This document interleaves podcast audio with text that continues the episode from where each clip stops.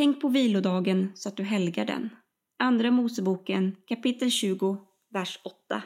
En artikel i serien Vad säger Bibeln? av Jakob Andersson. Budorden leker man inte bort.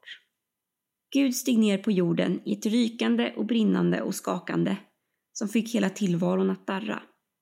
Han kallade upp Mose på berget och gav honom en sammanfattning av sin vilja i tio punkter. Gud tog sig tid att rista in dem på två stentavlor för att de skulle bevaras och för att det skulle bli mittpunkten i det allra heligaste i tabernaklet och templet, mötesplatsen mellan himmel och jord. Dessa budord kan inte vara några oviktiga grejer. Och som ett av de första buden hittar vi detta. Att vi ska helga vilodagen. Detta är alltså riktigt högt upp på Guds glöm aldrig det här-lista. Att helga betyder avskilja, alltså att ta något åt sidan och låta det vara annorlunda än allt annat.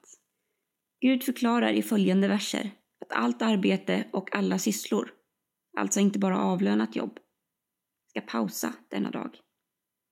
Att Gud är helig får oss också att förstå att helga har med honom att göra. Bara Gud är helig i sig själv. Tanken med söndagen är alltså tydlig. Tid för vila och tid för Gud. Detta är den mest grundläggande regelbundna vanan som Gud vill lära oss människor. Här finns verkligen något fantastiskt att upptäcka. Hur kan vi då helga vilodagen? Jo, inte som en tanke eller förhoppning i bakhuvudet, utan genom att vara konkreta. Hemma hos oss försöker vi alltid säga det är bra som det är åt allting varje söndag. Det blir en påminnelse om vilan. Vi låter också söndagen vara annorlunda genom att den är skärmfri och att alla så långt det går är hemma tillsammans. Det blir också mer tid till andakt. Och söndagsgudstjänsten är en icke-fråga, alltså en självklarhet.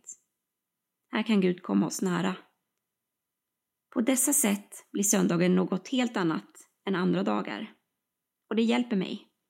Det blir både en oas mitt i vardagens stress och samtidigt en vana genom vilken Gud kan forma och välsigna mig. På vilket sätt helgar du vilodagen? Så att den blir annorlunda än alla andra dagar. En dag där Gud kan komma nära, där du får vila och hämta kraft.